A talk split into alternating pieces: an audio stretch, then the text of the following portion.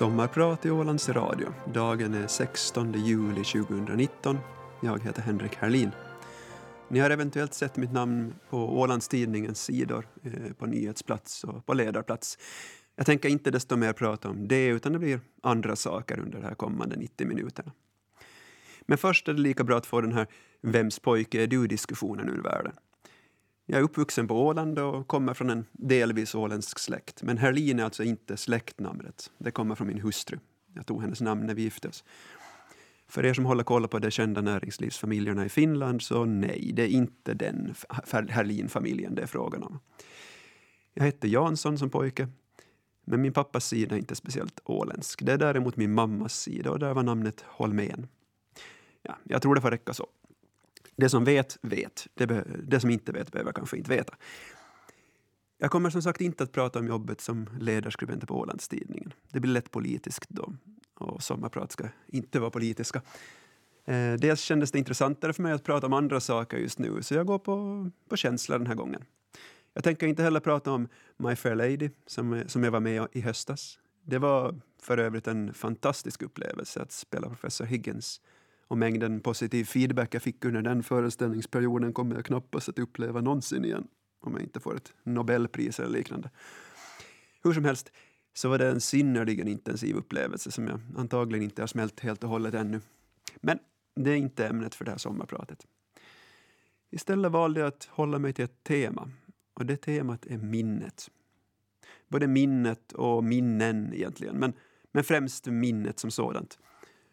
Av olika orsaker som jag kommer att prata om intresserar minnet mig mer och mer. Det kommer att handla om varför vi minns vad vi minns, hur vi kan göra för att minnas det vi vill minnas och hur synen på minnet har förändrats sedan medeltiden. Sånt. Eh, mitt i allt det här blir det förstås musik, som brukligt är. Eh, min första tanke var att spela låtar som är kopplade till specifika minnen. Det visade sig bli en väldigt märklig lista med något i stil med tre låtar Sting, en låt gangsterrap, två låtar Sting, en pianokonsert av Beethoven, Sting, Bach och så vidare. För det första kom jag raskt fram till att jag kan inte spela 90-talsrap i radion för då skulle för många bli arga. För det andra lämpar sig klassisk musik dåligt i program som inte uttryckligen handlar om klassisk musik. Och för det tredje var det ändå en alldeles för eklektisk lista. Den gemensamma nämnaren var Sting, som var något av en husgud för mig. Så jag tog den enkla vägen och spelade bara musik av honom. Så om du inte gillar Sting och The Police och inte är intresserad av mer eller mindre genomtänkta reflektioner om minnet så är det alltså sällsynt fel ute. Om du gillar åtminstone någondera kan du lugnt hänga kvar.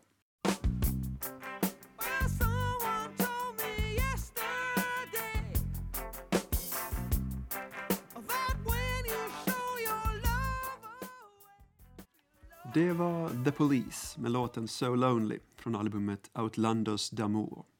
Året var 1987 och det var deras första album. Jag kommer som sagt att enbart spela musik av Sting och The Police i det här sommarpratet och tar det för enkelhetens skull i kronologisk ordning. Första albumet först alltså. Så, varför intresserar jag mig för minnet? Det kan vara en bra plats att börja. Det finns nog flera goda orsaker. En kan vara ett undermedvetet behov av att åtgärda mina egna brister. Så länge jag kan minnas har jag, ibland kärleksfullt, ibland inte, fått höra att jag har dåligt minne. Det, då har det handlat om vardagliga saker som att komma ihåg folks födelsedagar och att göra hushållsbestyr. Om man, och om man bara utgår från sådana kriterier så misstänker jag att halva jordens befolkning, den med Y-kromosom alltså, skulle kunna sägas ha dåligt minne. Eh, sådana saker kan åtgärdas med lite koncentration och genom att skriva listor och använda kalender. Och det bekymrar mig inte över hövan. Något jag personligen lider av är oförmågan att komma ihåg namn. Jag är inte ensam om det. Man talar ju ofta om att en del är bra på just den saken och andra är dåliga. Kanske finns det ett medfött element också, men mycket handlar det om hur man sorterar sina tankar. Det kommer jag att prata om senare. Eh, samhällsdebatten tar också upp minnet i viss mån. Eh, på, på senare tid har framförallt det här populära begreppet popcornshjärna dykt upp.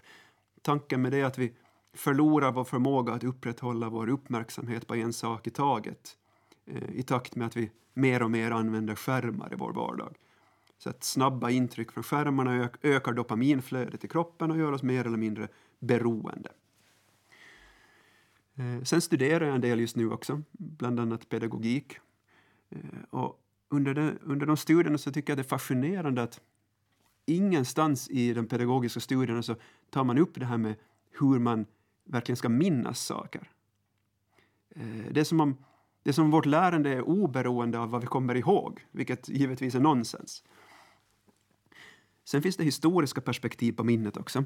Eh, när jag studerar historia så har jag stött på eh, en forskare som heter Mary Carruthers som, som sysslar med medeltidsforskning och hon har tittat på minnets betydelse under medeltiden, framförallt i klostermiljö. Tidigare har man begränsat synen på minnet till något som man bara använde på grund av nödvändighet. Det vill säga att det, det fanns så få böcker att man var tvungen att, man var tvungen att memorera text.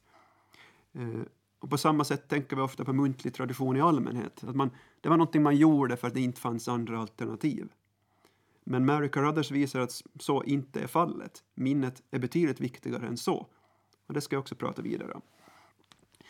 Sen tycker jag att självförbättring i allmänhet är intressant och tilltalande. Jag är visserligen inte alltför nitisk själv med det, men jag har alltid eh, åtminstone något mindre projekt på gång där jag försöker åtgärda upplevda brister i mig själv. Eh, det är kanske delvis ett utslag av dåligt självförtroende på vissa områden eller någon neuros som jag inte har fått begrepp om ännu, men, men rimligtvis finns det också en vilja att faktiskt hela tiden bli en bättre människa för att det är ett gott syfte. Så det där var en, en hel lista med goda skäl för, att, för mig att studera minnet. Och kanske passade några av punkterna in på, på dig också som lyssnar. Om den här första låten av The Police var något opolerad i sitt framförande så hände det en hel del på det andra albumet, eh, Regatta de Blanc. Det blev betydligt mer producerat och man hörde fler musikaliskt genomtänkta inslag som stilväxlingar mellan vers och refräng och lite oborstade ekande gitarrer under bryggan och Sting som oktaverar sin egen melodi för att ge den mer substans. Här kommer Bring on the night.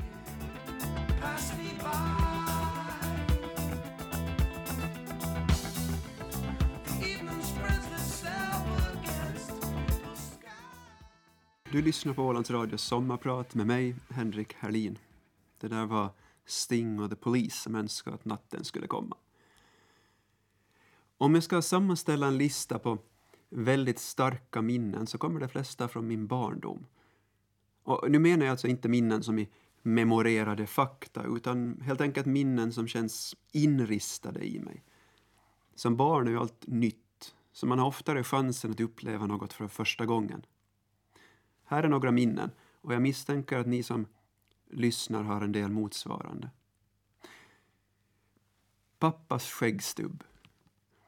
Jag minns så tydligt hur den kändes och hur oförklarligt roligt det var när han skrubbade den mot min kind. Det är framförallt känslan jag minns. Men han hade, jag minns att han hade brunt skägg med inslag av vita strån och det var kort och hårt. Optimus Prime. Jag lekte med Transformers som barn och jag hade några stycken. Den största av de här godingarna, Optimus Prime, den fanns inte att få tag på i Finland där för mig. En dag innan jul kom min syster och hennes pojkvän från bes på besök från Australien. Och där fick man minsann tag på Optimus Prime. Och det gav mig en sån. Så glad har jag väl sällan varit. Jag minns tydligt hur jag gjorde kanske min första filosofiska insikt som barn. Jag stod i mina föräldrars sovrum och tittade ut genom fönstret. Ett högt, typiskt 70-talsfönster från golv till tak och tittade på regnet. Jag var väl fem eller sex år. Plötsligt, jag minns det väldigt tydligt, plötsligt insåg jag hur långt livet är. Och det fyllde mig med ångest. En till, eller ja, snarare en grupp av minnen och det, och det är pinsamma situationer. Jag har absurt låg tolerans för pinsamheter. Det är gånger som jag har sagt något som upplevdes som pinsamt i stunden, som fel, malplacerat. Eller bara som jag efter att börjat fundera på om det uppfattades på fel sätt eller hur det egentligen var. Det är sådana minnen som får mig att rysa vid blotta tanken. Jag tänker uppenbarligen inte nämna dem här, det skulle nog bara göra saken värre. Det var några exempel på starka minnen. Det har gemensamt att de är kopplade till starka känslor, men också till andra kompletterande intryck. Så här, pappas skäggstubb, som jag kunde känna, se och dessutom skratta åt. Eh, Optimus Prime som jag kunde hålla i händerna samtidigt som jag intellektuellt förstod att det var något väldigt ovanligt och speciellt. Och förstås den här intensiva känslan av, av glädje när jag fick den. Att titta ut på det här smattrande regnet samtidigt som jag insåg någonting grundläggande om livet. Och så förstås den här obehagliga känslan av att göra fel. Det här stämmer bra med det som man vet idag om hur minnet fungerar. Och nu återvänder vi till hur, hur vi minns fakta och liknande.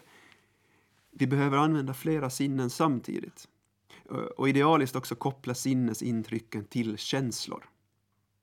Orsaken till att vi gör det här är att hjärnan är så oerhört komplex i sin plasticitet att det finns en mängd olika vägar fram till ett och samma minne.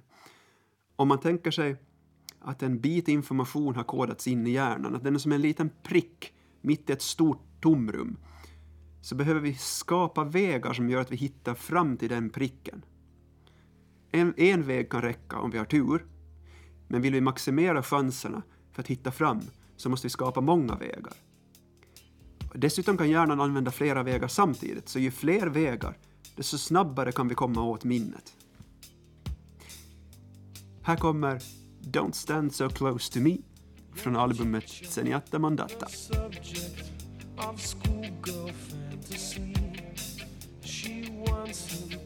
so badly, knows what she wants to. För att göra det här lite mer konkret nu så tänkte jag gå igenom en minnesövning som kan vara användbar när man vill komma ihåg texter med många verser. Här kan jag faktiskt dra fram ett exempel från My Fair Lady fast jag sa att jag inte skulle prata om det. Ja, så kan det gå. Eh, jag går igenom hur det fungerar först och så tar jag My Fair Lady-exemplet sen. Först måste man strukturera texten som ska memoreras. Det funkar speciellt bra om den redan är indelad i verser. Man bygger sig då ett, ett rutsystem med så många rutor som versen man ska memorera. Sen fyller man rutan med inledningen på den vers som ska vara där. När orden placeras i rutan så ska man inte bara tänka på orden utan man ska göra dem så rikt associerade som möjligt och verkligen bygga in dem tillsammans med siffran som finns där. Vi tar ett, vi tar ett exempel.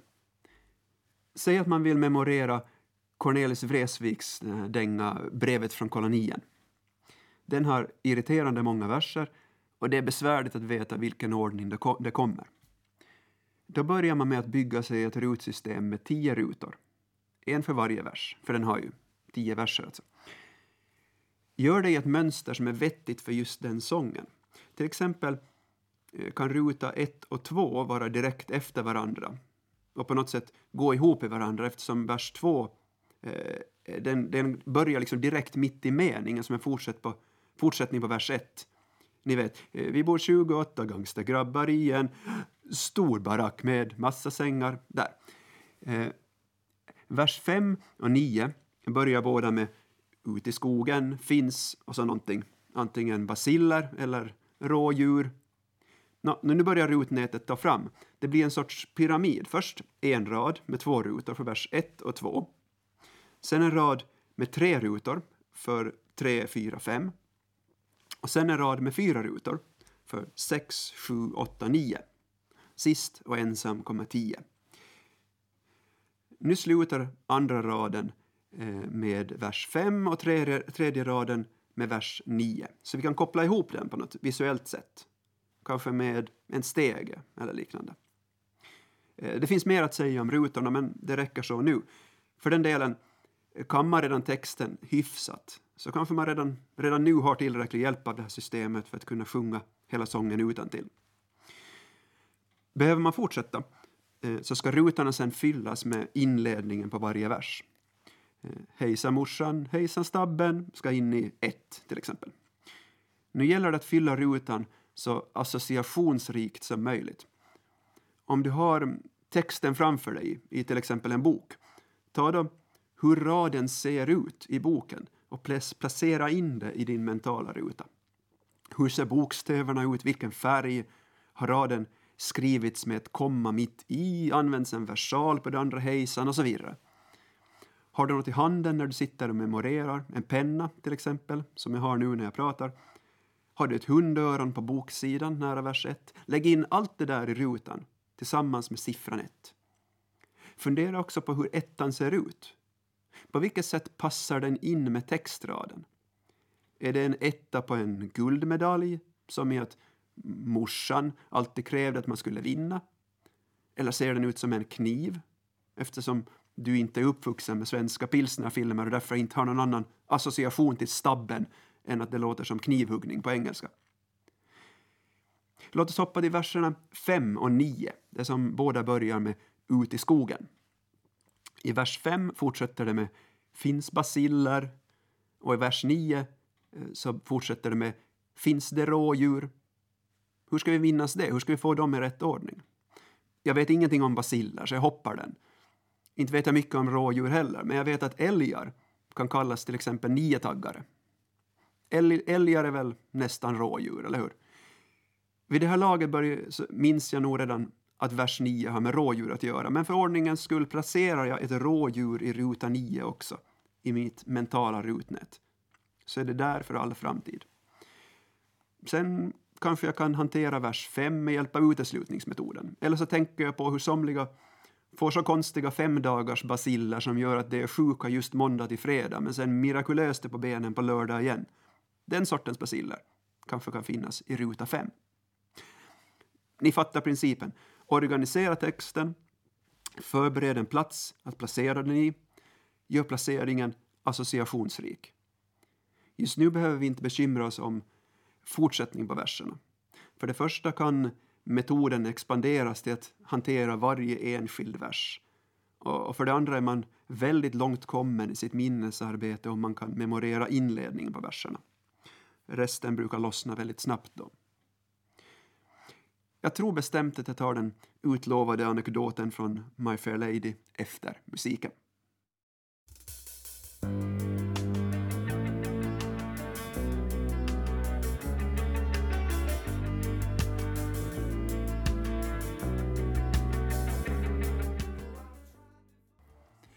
Det där var Every little thing she does is magic av The Police.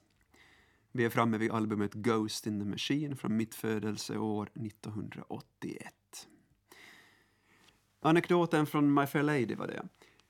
Det var en sång i andra akten som var, som var speciellt besvärlig att komma ihåg. Varför är kvinnor så olika män, heter den.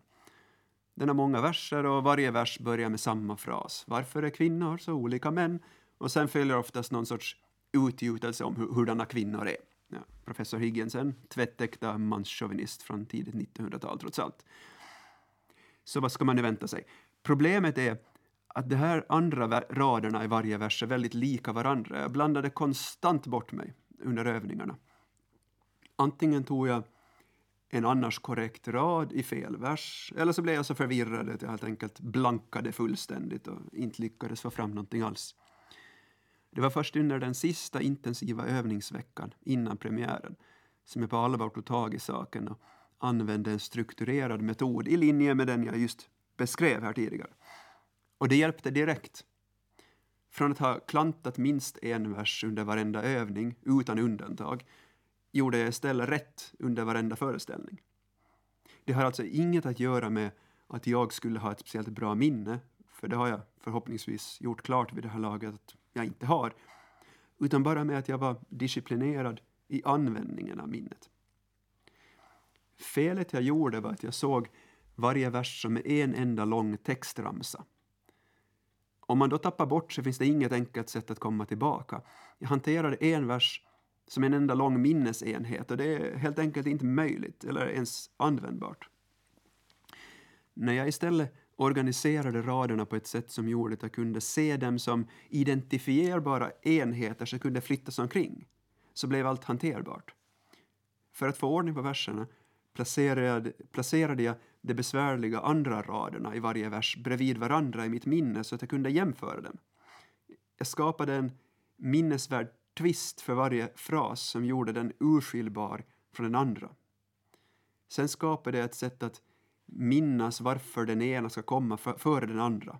Allt på ett visuellt sätt. Och på så vis så behövde jag inte bli nervös eftersom jag visste att jag kunde alltid plocka fram rätt rad ur mitt system om det kändes som om jag skulle börja tappa bort mig. Inte bli nervös. Nåja, det är knappast helt sant, men något åt det hållet. Det här är nu den femte och sista sången från The Police under det här programmet. Efter det här var splittringen i gruppen oundviklig och de pratade knappt med varandra på tiotals år.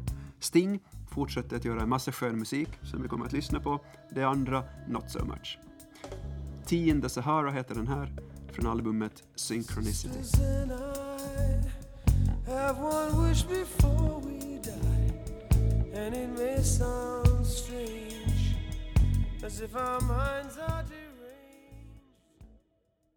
Jag heter Henrik Herlin och du lyssnar på Sommarprat i Ålands Radio.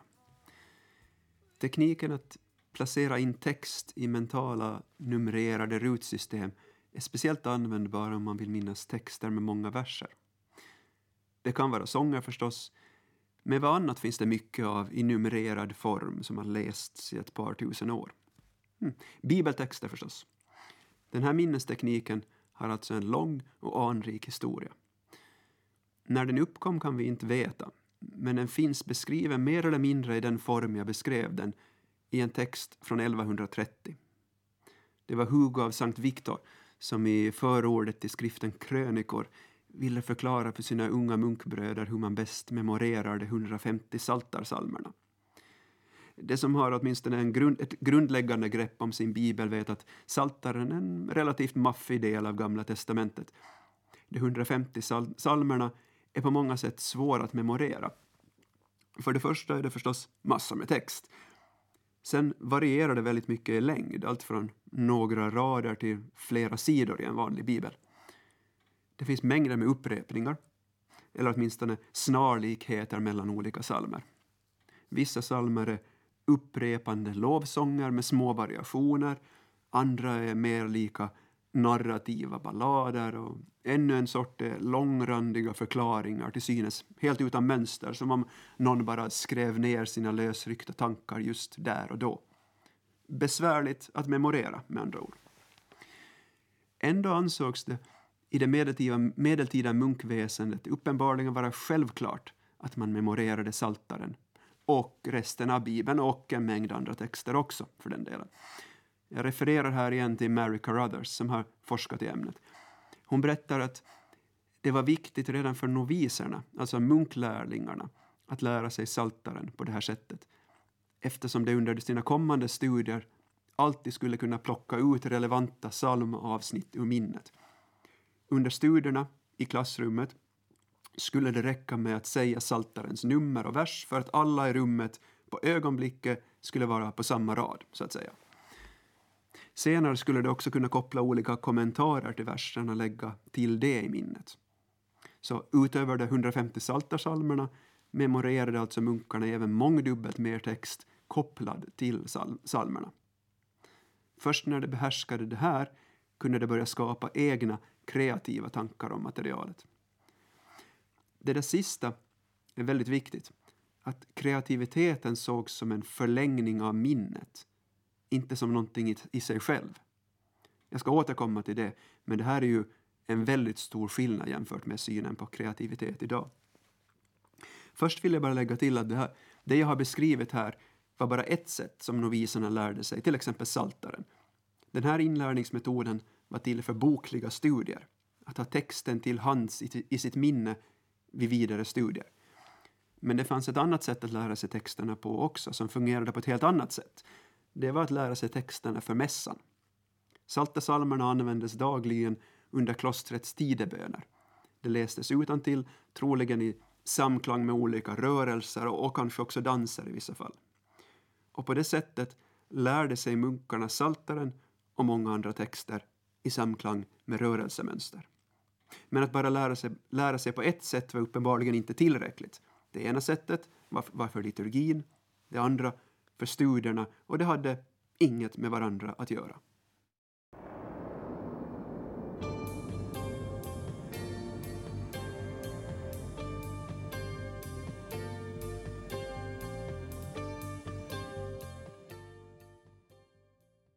Sången vi hörde var Fortress around your heart, en stor hit när det begav sig 1985. Den var avslutande låt på Sings första soloalbum som hette The Dream of the Blue Turtles. Han må, må ha övergett The Police, men han tyckte fortfarande om att ge sina album kryptiska namn. Nåväl. Jag nämnde i början av programmet att jag har studerat lite igen de senaste par åren, bland annat pedagogik. Jag har noterat under den här kursen att det ingenstans tas upp hur man bäst lägger saker på minnet. Det talas mycket om hur man lär ut saker och det talas om hur vanligtvis barnen då bäst ska förstå ämnet. De ska lära sig förstå samband, arbeta med stoff på olika sätt och helst tänka egna tankar, vara kreativa alltså. Informationssökning tas äntligen upp någorlunda seriöst också efter att internet har varit ett faktum i över 20 år, men det är en annan historia. Men inget om att det faktiskt ska minnas något alltså. Nej, det är märkligt. Ur ett sunt förnuftperspektiv alltså. Forskarna i pedagogik avfärdar saken som bara memorering och inte något som har med pedagogik att göra. Gör en mindmap är väl det mesta det kan sträcka sig till att föreslå när det gäller konkreta metoder för inlärning. Dumheter, tycker jag. Och det skulle de medeltida munkarna också tycka. Det satte ett helt annat värde på minnet än vad vi gör idag, som vi ju hörde tidigare. Medeltidsforskaren Mary Carruthers ger ett exempel på hur minnet värderades på 1200-talet genom att återge vad som sades om Thomas av Aquino precis efter hans död. Han sägs först ha ett briljant intellekt och gott omdöme. Det är det första. Och sen följer en lång beskrivning av hans minne. Hans minne var rikt, det var insupande. När han väl hade läst och förstått någonting glömde han det inte. Det var som om varje ny kunskap lades till hans själ som sidor läggs till en bok och så vidare i den stilen. När det säger att när han väl hade läst och förstått något så glömde han det inte, så menar det alltså inte att han, att han hade en övergripande förståelse för huvudpunkterna i en bok eller kunde citera enstaka stycken. Det menar alltså faktiskt att han minns texten ord för ord. Det finns flera samtida beskrivningar hur Thomas av Aquino skrev många av sina böcker utan att ha tillgång till fysiska exemplar av de källor han citerar. Han reste mycket från kloster till kloster och på varje plats läste han förstås de böcker som fanns tillgängliga där. En del kloster var kända för att hysa unika exemplar av sällsynta texter och då fick man helt sonika som lärd munk helt enkelt resa dit och ta del av texten. Det gjorde Thomas av Aquino och han adderade allt han läste till sitt minne. Det gjorde många andra också för den delen, men han var känd för det. En annan sak som Thomas var känd för var hur han, hur han använde sekreterare. I början av sin karriär gjorde han själv de första utkasten till sina böcker.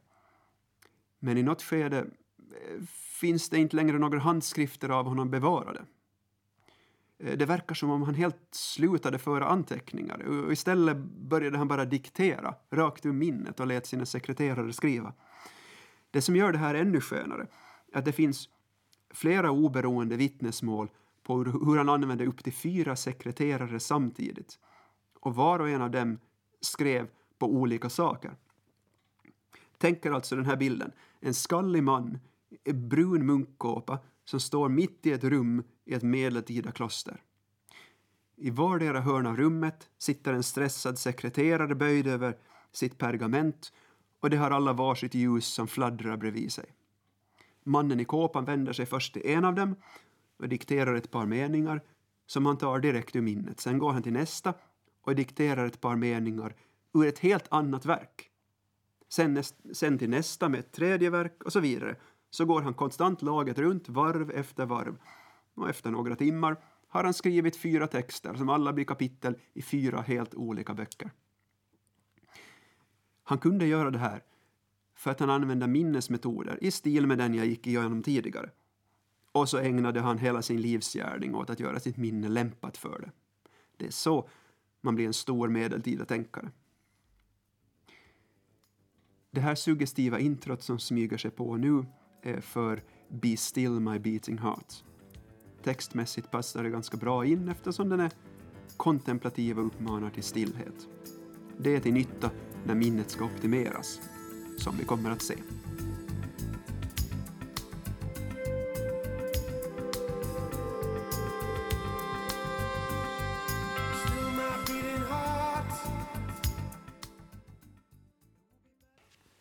Jag spelar musik av Sting under hela programmet, som jag sa.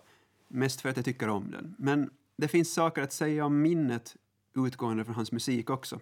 Ja, vi, kan, vi kan börja med låten vi just hörde, All this time, från The Soul Cages. Saken är den att Sting har haft skrivblockering två gånger under sin karriär, det vill säga att han inte helt enkelt kan skriva ny musik. Eh, det var, första gången var 1988 till 1991 innan just den här låten eh, och, som, och den skivan som den ligger på, The Soul Cages, blev till. Och sen en lång period på tio år, eh, till och med 2013, då han skrev, till slut skrev en musikal, The Last Ship. Eh, Sting är nämligen född och uppvuxen i närheten av Newcastle, eh, Wallsend, eh, som är en industriort, väldigt hård arbetartrakt. Och det var här var någonting som han tidigt tog avstånd från på olika sätt. Och han flyttade ganska raskt till London, först med sitt första riktiga band, Last Exit, och sen grundade han The Police i London. Hans mor dog 1986, hans far 1987. Han har beskrivit det i sin biografi lite eh, vagt som en problematisk barndom. Och han besökte inte deras begravningar av hänsyn till Eh, till familjens integritet, sades det. Framförallt var förhållandet till fadern knepigt. Och han har sagt i intervjuer att det var just faderns död som gjorde det omöjligt för Sting att skriva ny musik.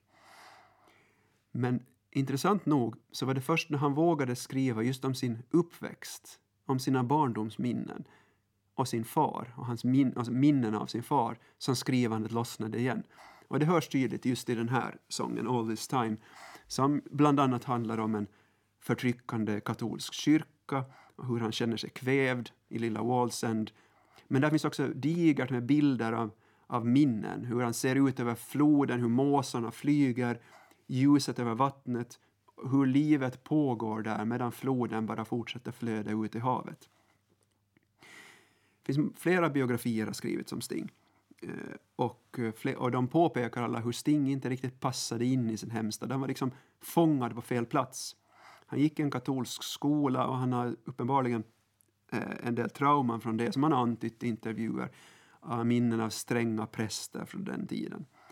Och han behövde rimligtvis hantera också de minnena tillsammans med sina konfliktfyllda minnen av sin far. Sen blev det inte nödvändigtvis alltid universellt tilltalande musik av det hela det var i och med det här albumet som recensenterna slutligen bestämde sig för att Sting är tråkig. Eh, färg som torkar eh, har sista låten på albumet till exempel beskrivits som. Själv tycker jag att skivan är helt fantastisk. Andra gången eh, han hade, han hade skrivblockering så måste han igen återvända hem och möta gamla minnen. Och då framförallt skeppsvarvet i Wallsend. Han har berättat hur han i sina minnen såg ett enormt skepp som tornade upp sig vid slutet av gatan.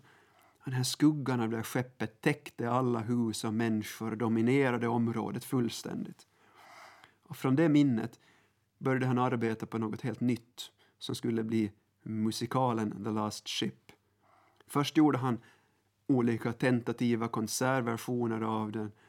Och sen gjorde han ett album med sånger på, på temat som skulle passa in i musikalen innan han till slut då skapade själva formen för musikalen.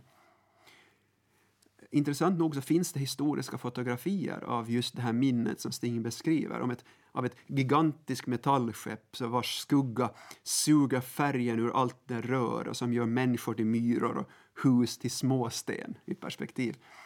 Och det är ett minne som, när man väl har sett det, hänger kvar länge. När han sammanställde musikalen så återanvände han fyra sånger, från, framförallt just från The Soul Cages-albumet. Men resten är nyskrivet, med 20 sånger eller liknande. Och han skrev också en mängd sånger som inte kom med i den slutliga musikalen, som bara finns på albumet och hördes i konserterna. Han har sagt att det tog honom bara några veckor så hade han skrivit allt. Och så effektivt kan ett starkt minne verka. Efter The Soul Cages var Sting på bättre humör i ett drygt decennium. Han har sagt att han började skriva mindre och mindre om sig själv och istället började utforska olika teman som intresserade honom. På Ten Summoners Tales utforskade han gammal brittisk litteratur, framförallt Chaucer. Här är It's probably me. If the night turned cold and the stars looked down and you'd hug yourself on the cold, cold ground Här är en sak som många säger, säger sig ha svårt för, och det inkluderar mig, och det är att minnas namn. Att komma ihåg namn fungerar lite som en nyckel i samhället. Och alla de som har svårt för det känner sig utlåsta. Det, det märks väldigt tydligt på sättet som minneskurser säljs, att just namnminne är något väldigt många människor vill förbättra. För det är det kurserna säljs med. Vill du minnas namnen på alla på festen du just var på? Vill du minnas namnen på nya kunder så att du kan sälja saker till dem? Blir du ofta ställd när människor hälsar på dig för att du inte vet vad det heter? Och så vidare. Det tycks vara oerhört vanligt att ha komplex för dåligt namnminne. Det finns en handfull vanliga tekniker för att minnas namn. Det här är bara en av dem. Jag tror den fungerar för de flesta, för den innehåller allt det jag har talat om här i programmet, nämligen bilder, handling och känslor. Men först av allt kan det vara värt att påpeka att för att, kunna minnas ett namn måste man först aktivt höra det. Man kan inte tänka på annat om man ska minnas ett namn. Man måste vara närvarande och lyssna aktivt. Ett trick är att sekunderna innan man träffar en ny person fråga sig mentalt vad heter han, vad heter han, vad heter han? Då kommer man att lyssna eh, när namnet väl kommer. Men sen tekniken. Först ser du på personens ansikte och väljer ut ett drag som sticker ut och som du vill knyta till den personen. Ett märke för den personen.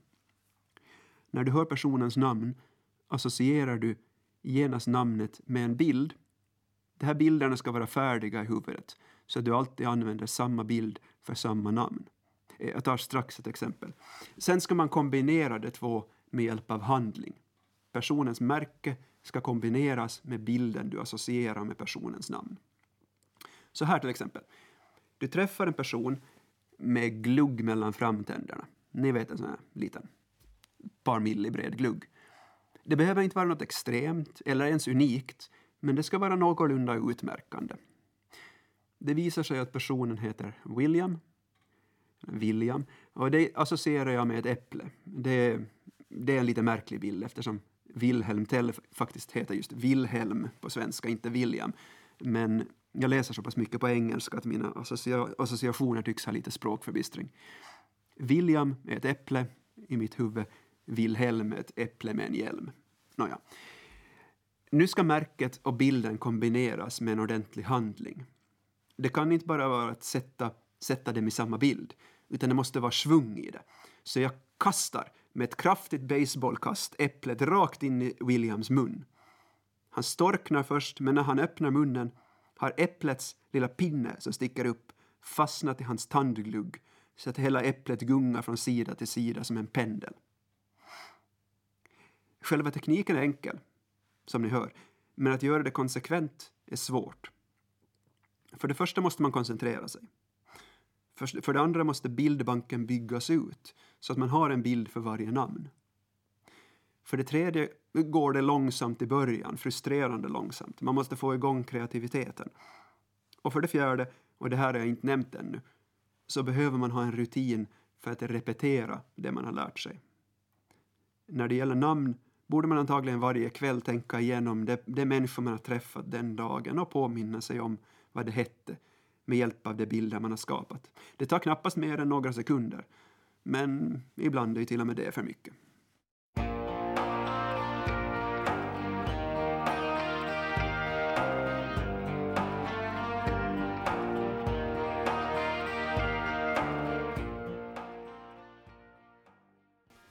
Det var I hung my head från Mercury Falling, låten i karaktäristisk 9 takt. Mercury Falling är för övrigt mitt favoritalbum av Sting. Det är som om alla låtar väcker liv i minnen som jag inte ens visste att jag hade. Minns ni de fyra orden som jag demonstrerade minnesteknik för för några inslag sen? Jag vet inte riktigt hur det fungerar för någon som bara lyssnar. Men jag minns dem i alla fall utmärkt. Guld, metspö, ratt, tomat. Kanske inte i den ordningen. Eh, eventuellt borde jag haft en bättre bild för den där ratten. Det är som om jag hellre vill minnas bil. Eller, ja. Sen var det måne och brädor, sen slutade jag associera av hänsyn till alla inblandade. Man kan ju se på minnet på flera sätt. Man kan se det som för vad det är, någonting man använder med alla dess begränsningar i, i vardagen. Och så är man nöjd så.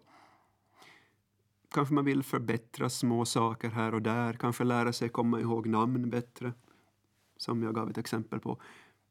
Kanske vill man i allmänhet ha ett bättre fungerande minne och är villig att arbeta för att nå dit. Mycket på samma sätt som man går på gym för att kroppen ska hålla ihop till, till äldre dagar. Eller så kanske man elittränar. Jag har inte pratat om det i det här programmet alls, men det finns ju faktiskt många som tävlar i minne. Man memorerar ordningen i en kortlek på kortast möjliga tid. 45 sekunder tror jag rekordet ligger på. Man får tio minuter på sig att memorera namnet på så många personer som möjligt och annat liknande. Egentligen är det inte så mycket konstigare än att tävla i längdhopp. Alla hoppar, så varför inte tävla om vem som hoppar längst? Alla minns, så varför inte tävla i vem som minns mest? Jag tror att en av de bästa orsakerna till att förbättra sitt eget minne är för att klara av att hantera komplexitet. Det är något av en ironi att informationssamhället som skulle frigöra oss från att tvingas lära oss saker utan till, eftersom allt skulle vara tillgängligt med ett par knapptryckningar. Det här informationssamhället har samtidigt gjort oss gjort informationsflödet så tjockt och svårgenomträngligt att vi måste memorera vissa hållpunkter för att alls kunna navigera i det. Vad gör man med all information i världen om man inte vet var man ska börja för att ta sig an den? Allt börjar någonstans. Allt har en startpunkt. Och den startpunkten är det vi minns. Jag heter Henrik Herlin och ni har lyssnat på Sommarprat i Ålands Radio. Jag avslutar med att spela After the Rain Has Fallen från albumet Brand New Day. Låten är en fin påminnelse om att det alltid finns en väg tillbaka så länge det finns kärlek. Och utan kärlek spelar det ändå ingen roll eftersom då allt är stoft. Mm. Det här hade inget att göra med mitt tema under det här pratet men värt att minnas ändå. Tack för att ni lyssnade. Hej då.